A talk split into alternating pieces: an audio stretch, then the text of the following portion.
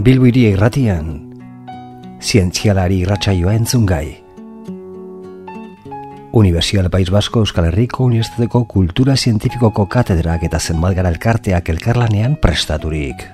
Zientzia gizarteratu eta haren balio historia eta lorpen nagusiak edatzeko. Izarren hautsa egun batean, bilakatu zen bizigai. Iker Badiola biologian doktorea da.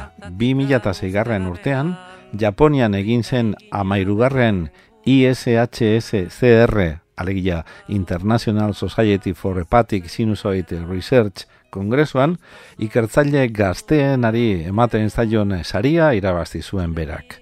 Handi gutxira biomedikuntzan espezializatuta dagoen Innoprot enpresa sortu zuen eta gaur egun UPV EHUko medikuntza eta erizaintzako fakultateko zelulen biologia zailean ari da lanean.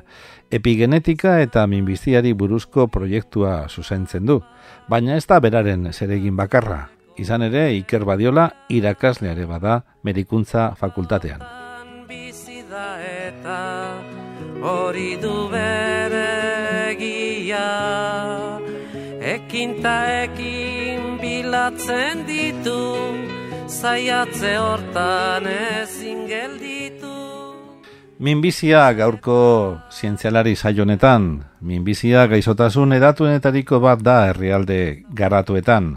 Denboraren poderioz gure gorputzeko zelulak eh, zahartuz jaten dira, eta lako batean akatzen batengatik edo zahartu direlako gaizotasunak ager daitezke eta agertu ere agertzen dira.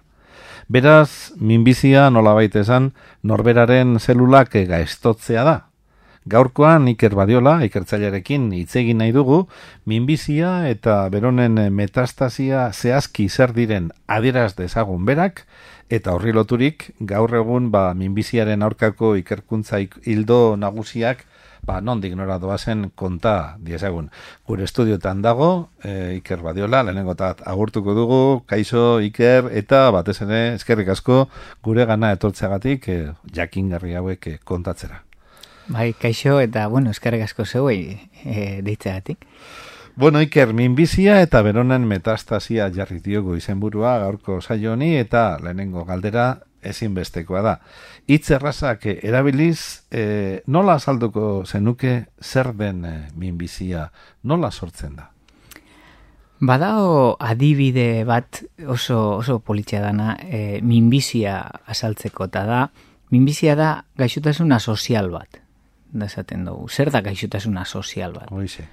Ba, gaixotasuna sozial bat da, gure gorputze zelulaz dago osatuta. Mhm. Gure gorputze zelulak baino ez diz. Zelula mota desberdinak. Gure azaleko zelulak mota bateko di, gibeleku beste mota bat, baina danati zelulak. Etxe bateko e, ladriluk izango balia modun. Ah, aha. Eta momentu jakin baten, errezoi desberdinak gaitxik, motibo desberdinak gaitxik, ba, zelula bat gaiztotu egiten da. Hau da, asozial bihurtzen da. Ze danak mm, biziberdi oreka baten. Eta bere funtzioa betetzen dute, Hori, ez da? Eta- danak bere funtzioa, bata besteai lagundu, eta danak e, arau batzuk jarraitzu behar dabe. Mhm. Momentu jakin baten gainera, batzuk hilein berdiz. Eta beste batzuk sortuko di, ba bat, tek esaten da momentu baten, niri oin ez da momentu ni hiltzeko, eta aurrera jarraituko dut. Eta kontrol hori salto itzen dau, eta hasi itzen da. Hasi de, e, ugaldu.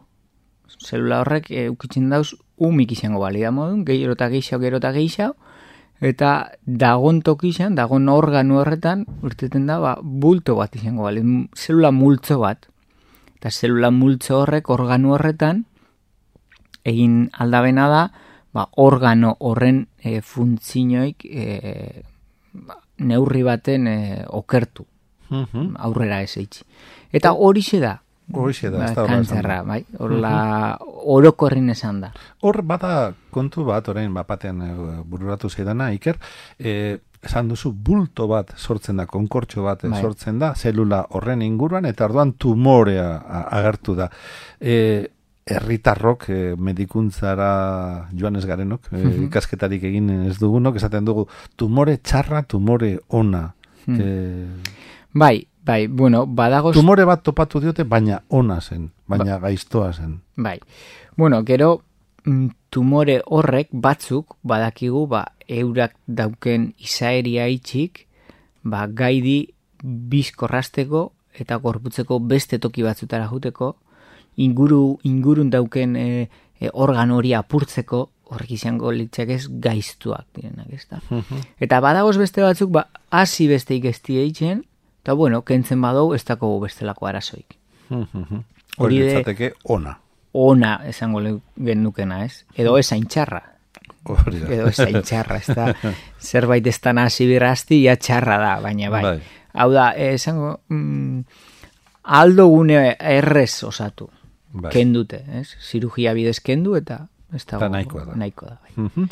E, medikuntzak lortu du urte hauetan ziurtasunez jakiterik eh, zeintzuk diren minbiziaren eragile nagusiak edo urrun gaude horretatik eh, oraindik. Bai, nik uste dut baietz. Hau de, pasatzen dana da, mm, denporak aurrera inala, ba, gauza berresiak aurkituko dauz. Hau de, oindala urte batzuk, esan usten, ba, amiantoak minbizia sortzen ebanik. Gaur egun argi eta garbi dakigu. Bai, egia da. Mm? Bueno, horrek izango litzakez, ba, e, gure ingurun daukauzen e, gauzak zelan laguntzen daben minbizia sortzen. Horren azpizan dagon oinarri zelularrak eta biokimikoak eta nahiko argi daozela. Bai, horrek ja nahiko argi daoz. Hau da, ba, momentu jakin baten, e, gene baten mutazio baten ondorioz, ba, e, zelula bat hasi egiten da. Edo, epigenetikan azaltzen da modure, naizta mutaziorik ez egon, ba, gene bat aktibatu egiten da, eta zelula bat hasi egiten da. Oinarri, oinarriak nahiko argi daoz. Egizia da, ba, urtik pasadala, ba, gero eta gisa aurkitzuko dizela, hori behola da.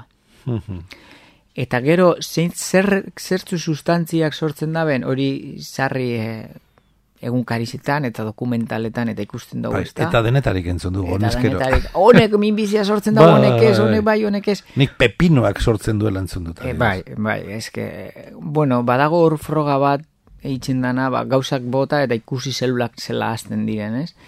E, eta horreta baguz, ba, isa danak sortzen dau, zer, dana da minbizia sortzen dau denak, ba, gauzi da zen neurritzen hartzen dauzen gauzak, ez? Eta, bai, gauza batzu dauz, neurri oso, kantitate oso txikizetan hartute be, minbizia sortarazten dauzkunak, ez? Baina beste gauza batzuk, ba, kantitate horren arabera, dira, minbizia sortzen dabe edo ez dabe sortzen. Orduan, mm, dana irakurten badau ezin ga inun bizi, hau da, Argi dago.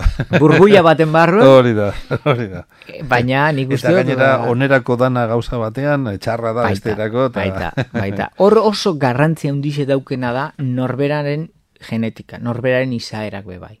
Mhm. Zeinek ez dago ezagutu eta sarri izango dabe, e, ez dakit ba, larogeta marrurteaz, larogeta kurtik erretzen eta ez da minbizirik pairatuz da?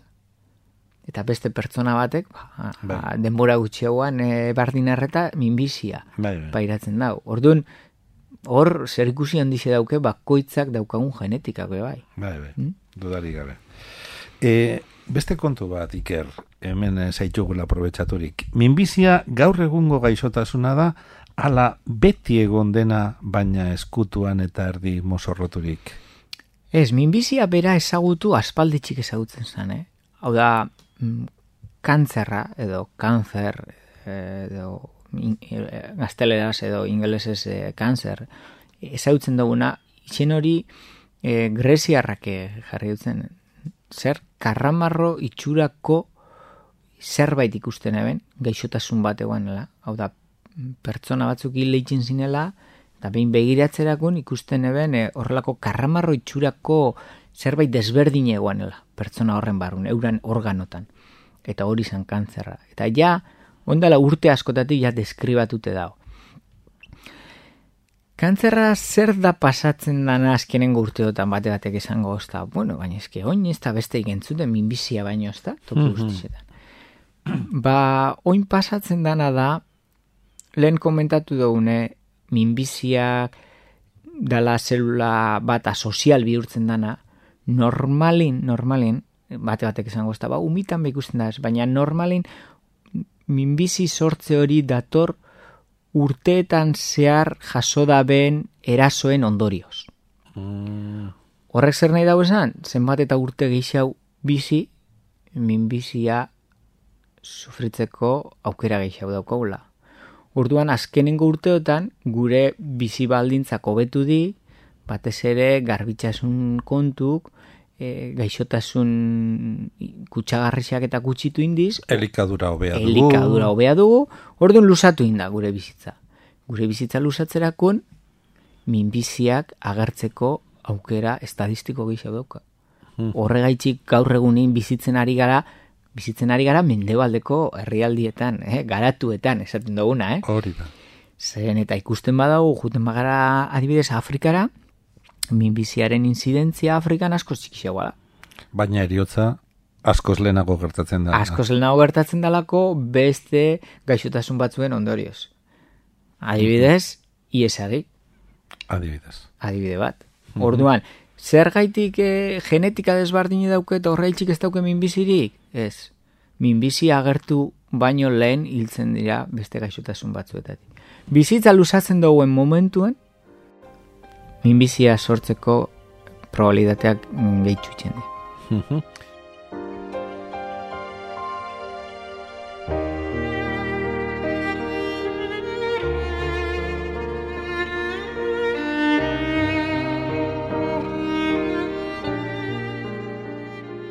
Orain bigarren atal batean eh, hitz madarikatu aipatu behar dut. Metastasia, e, minbiziaren metastasia. E, zeran definituko zenuke metastasia eta nola eta zergatik azaltz, e, agertzen den ere azaldu mesedezik. Mm.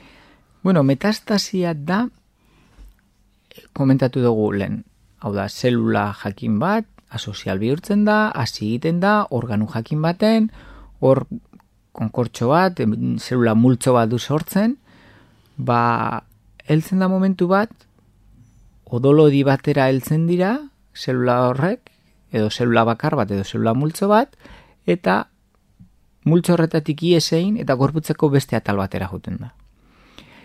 Badakigu gaur egun izela sortzen dan, mekanismo asko bai, asko badazkigu. Lehenengoko, lehenengo itxen da bena da, bere inguruan dauzen beste tumore zeluletatik askatu. Eta gero, odolo disetan sartu. Eta odolo disetatik beste gorputzeko atal batera jun, eta beste gorputzeko atal baten odolo di horretatik urten eta organu baten gelditzu. Berez da prozesu bat eh, oso, oso zaila. Hau da, organu jakin baten bizi izan dan zelula batek odolo dizetara sartzeko gai izan, eta han bizi irauteko oso berezizia izan behar da. Ez, ez da horako bere ekosisteman, ez da nola Hori da. Ez da, bera adibidez ez, eh, eh, azalean egondan zelula bat. Ba hor berak nahiko estatiko egonda, nahiko geldik egonda, halako baten sartzen da odolo dietan, eta hor izugarrizko abiaderak indabil, presioa izugarria da, eta gai izan behar da horrei aurre egiteko. Oso gutxirek lortzen dabe. Hau da, prozesu hau euneko porzentai oso baixu batek lortzen dau. Eta azken baten, ba, batzuk, gutxi batzuk, heltzen dire beste toki batera. Gero beste toki horretara heldute be, gai izan berdi, euren ekosistema estan toki baten azteko. Eta askorek ez dabe lortzen. Mhm. Zer da gertatzen dena? Esan dugu oso gutxi hiltzen direla, baina heltzen diren gutxi horrek oso gogorra di. Hau da, presio selektibo oso gogor bat egon da. Eta hautatu diz gogorrenak. Horregaitzik metastasize da hain bildurgarxe. Zehara heldu direnak di gogorrenak. O, Benetan di gogorrak. Mhm. Bueno, bueno. Emeretzigarren mendearen eh, bukaeran, Stefan Piaget, eh, britainiar eh, medikoak, Seed and Soil, esango genuke lurra eta hasia, deritzan teoria planteatu zuen. Esango diguzu, zer, zer bilatu zuen berak, ze proposatu zuen berak?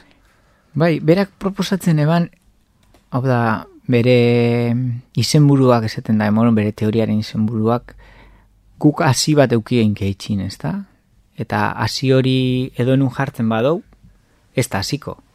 Hau da, guk eh, ez, ba, laranja ondo baten hasixe baldin badauko, zukaldeko mai gainen usten badau ez da hasiko. Lur bat jarri beharko diogu. Bai. Ba, berak esaten eban, minbiziak, naiz eta gogorra izan, eta guk usten dauen bera bakarrik e, azten dala eta guzti hori, lur bat bia dau. Hau da, inguru egoki bat bia dau. Eta inguru egoki hori, zan, ba, inguruan dauzen beste zelulak. Baina beste zelulak ez gaiztoak. Hau da, zelula sano dauzen zelulak. Eta inguru horri eskerrak, azten da zelula gaizto hori. Eta da, horri deitzen jako baitxabe, mikro, mikroingurune tumorala. Zela inguru horrek laguntzen dutzen gaizki daun zelulari. Mhm. Eta hori da, bere teorian muina.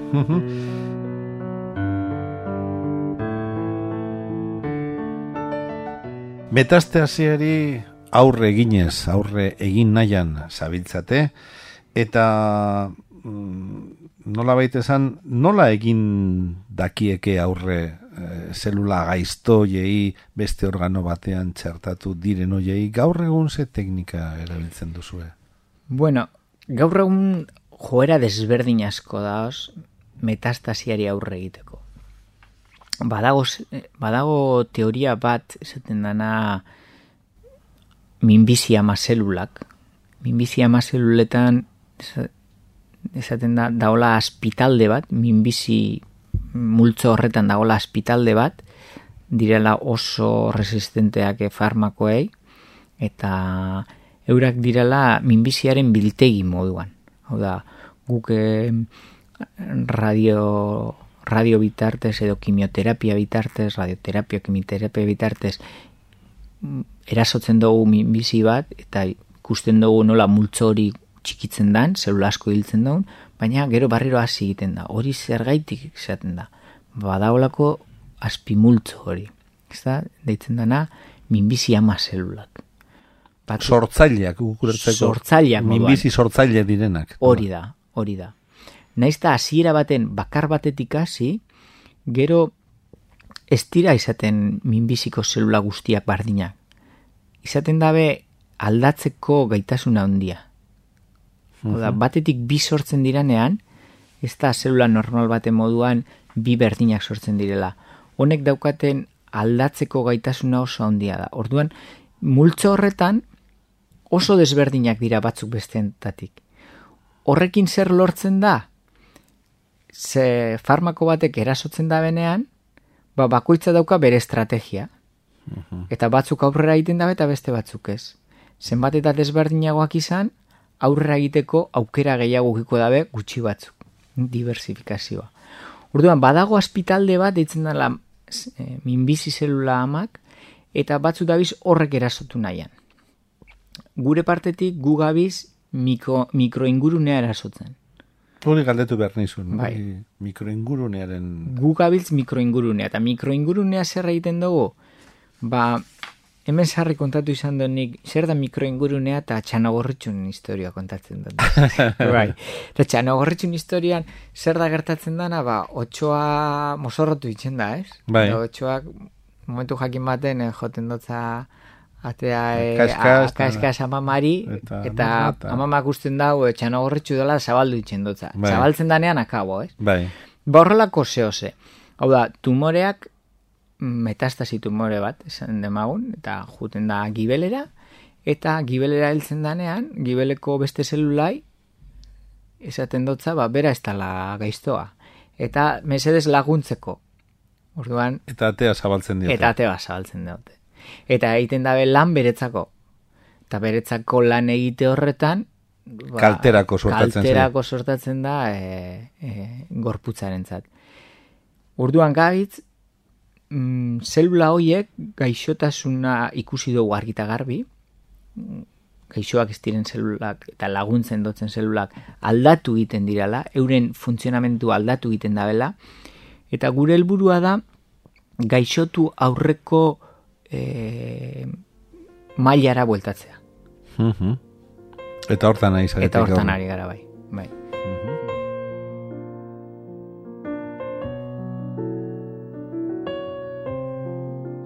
E, hain zuzen ere ja aurre hartu du dazu Iker, ze minbiziaren aurkako sendagaiei buruz ere hitz egin nuke labur bada ere zurekin, eta jo nik duda bat daukat. Hainbet, hainbeste aldaera egonik e, zuek oraindik ere jarretzen duzue minbizia gaixotasun bat bera dela esaten?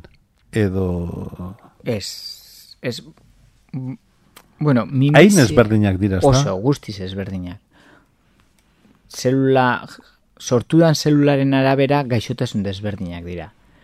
Pasatzen dana da, oinarrixan, oinarri oinarrixan, danak dauke mekanismo oso antzerako bat. Argi dago, oinarrixan danak dira zelula baten gaiztotzea. Ez? Zelula Bai. batek arau horrek salto egitea. Horrak berdintzen ditu den. Horre berdintzen dauz. Eta gero, ba, metastasirako joera hori. Baina bakoitzak bere erara itzen dau.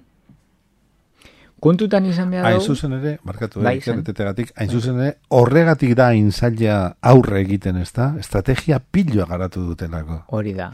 Batetik estrategia piloa garatu dabe, eta beste batetik badago beste gauza bat oso sanguratsua. Eta ezin dugu astu, azken baten gure gorputzeko zelula bat dala. Bai. Eta eh, troiako zaldi bada. Gu barruan daukagun zelula bat da. Orduan, jun behar gara gure gorputzeko zelula baten aurka. Ez da berdina, ba, virus baten kasuan gertatzen dana. Virus bat guztiz gauza arrotz bada. Bai. Virus bat desegitea guk erabili aldoguna da, virus horrek erabiltzen duen mekanismo jakin bat, eta gure gorputzak ez da bena erabiltzen. Ba, horren kontra egiten dugu, eta gure gorputzak ez dauka kalterik. Eta artifiziala zaiguna ateratzen dugu. eta kanporatzen dugu. A, a, akabatzen dugu, ezta? Zer da gertatzen dana minbiziaren kasuan? Ba, zelula horrek, gaiztoa dan zelula horrek, gure gorputzeko zelulen oso antzerakoa da. Bera, be- isa berdina, eta erabiltzen da ben mekanismoak gure gorputzeko zelulak erabiltzen da benak dira. Orduan, nola egin kontra zelula horri besteak kaltetu barik? Hor dago arazo Bai, bai, bai. Eta neurria, ez? Eta, eta muga hain, hain, Bai. hain, hain estua dena, ez da? Eta horri apur bat lotuta bai beste gauza bat, nahiko esanguratsua dana. Gu pertsonok danok gara desberdinak, ezta? Bi pertsona berdin ez da oz. Zorionez, esaten dut. Zorionez, eh? Gaina, lengo, lengo estrategia apur bat jarraituz, orain e, zerbait ez, gertatuko balitz, desberdin izate horri esker, gizatasunak aurrera ingo leuke, batzuk hilgo lirateke, beste batzuk estrategiak izango genuke aurrera egiteko. Ba, ber, gor, denok desberdinak izateak, gure gorputzean sortu den zelula gaizto hori ere, pertsona batetik bestera desberdina izan daiteke. Handian gertatzen dena txikian ere bai, ez da? Bai. Mikro mundu bai, bai, hori da, hori da, hori da. Eta, bueno, hori jarri ikusi izan dugu, ba, pertsona berdina, minbizi mota berdinaren aurrean, tratamentu batzuk funtzionatzen da eta beste batzuk ez. Batzuk aurrera egiten da eta beste batzuk ez. Ederki. E, azken aurreko galderatxo bat.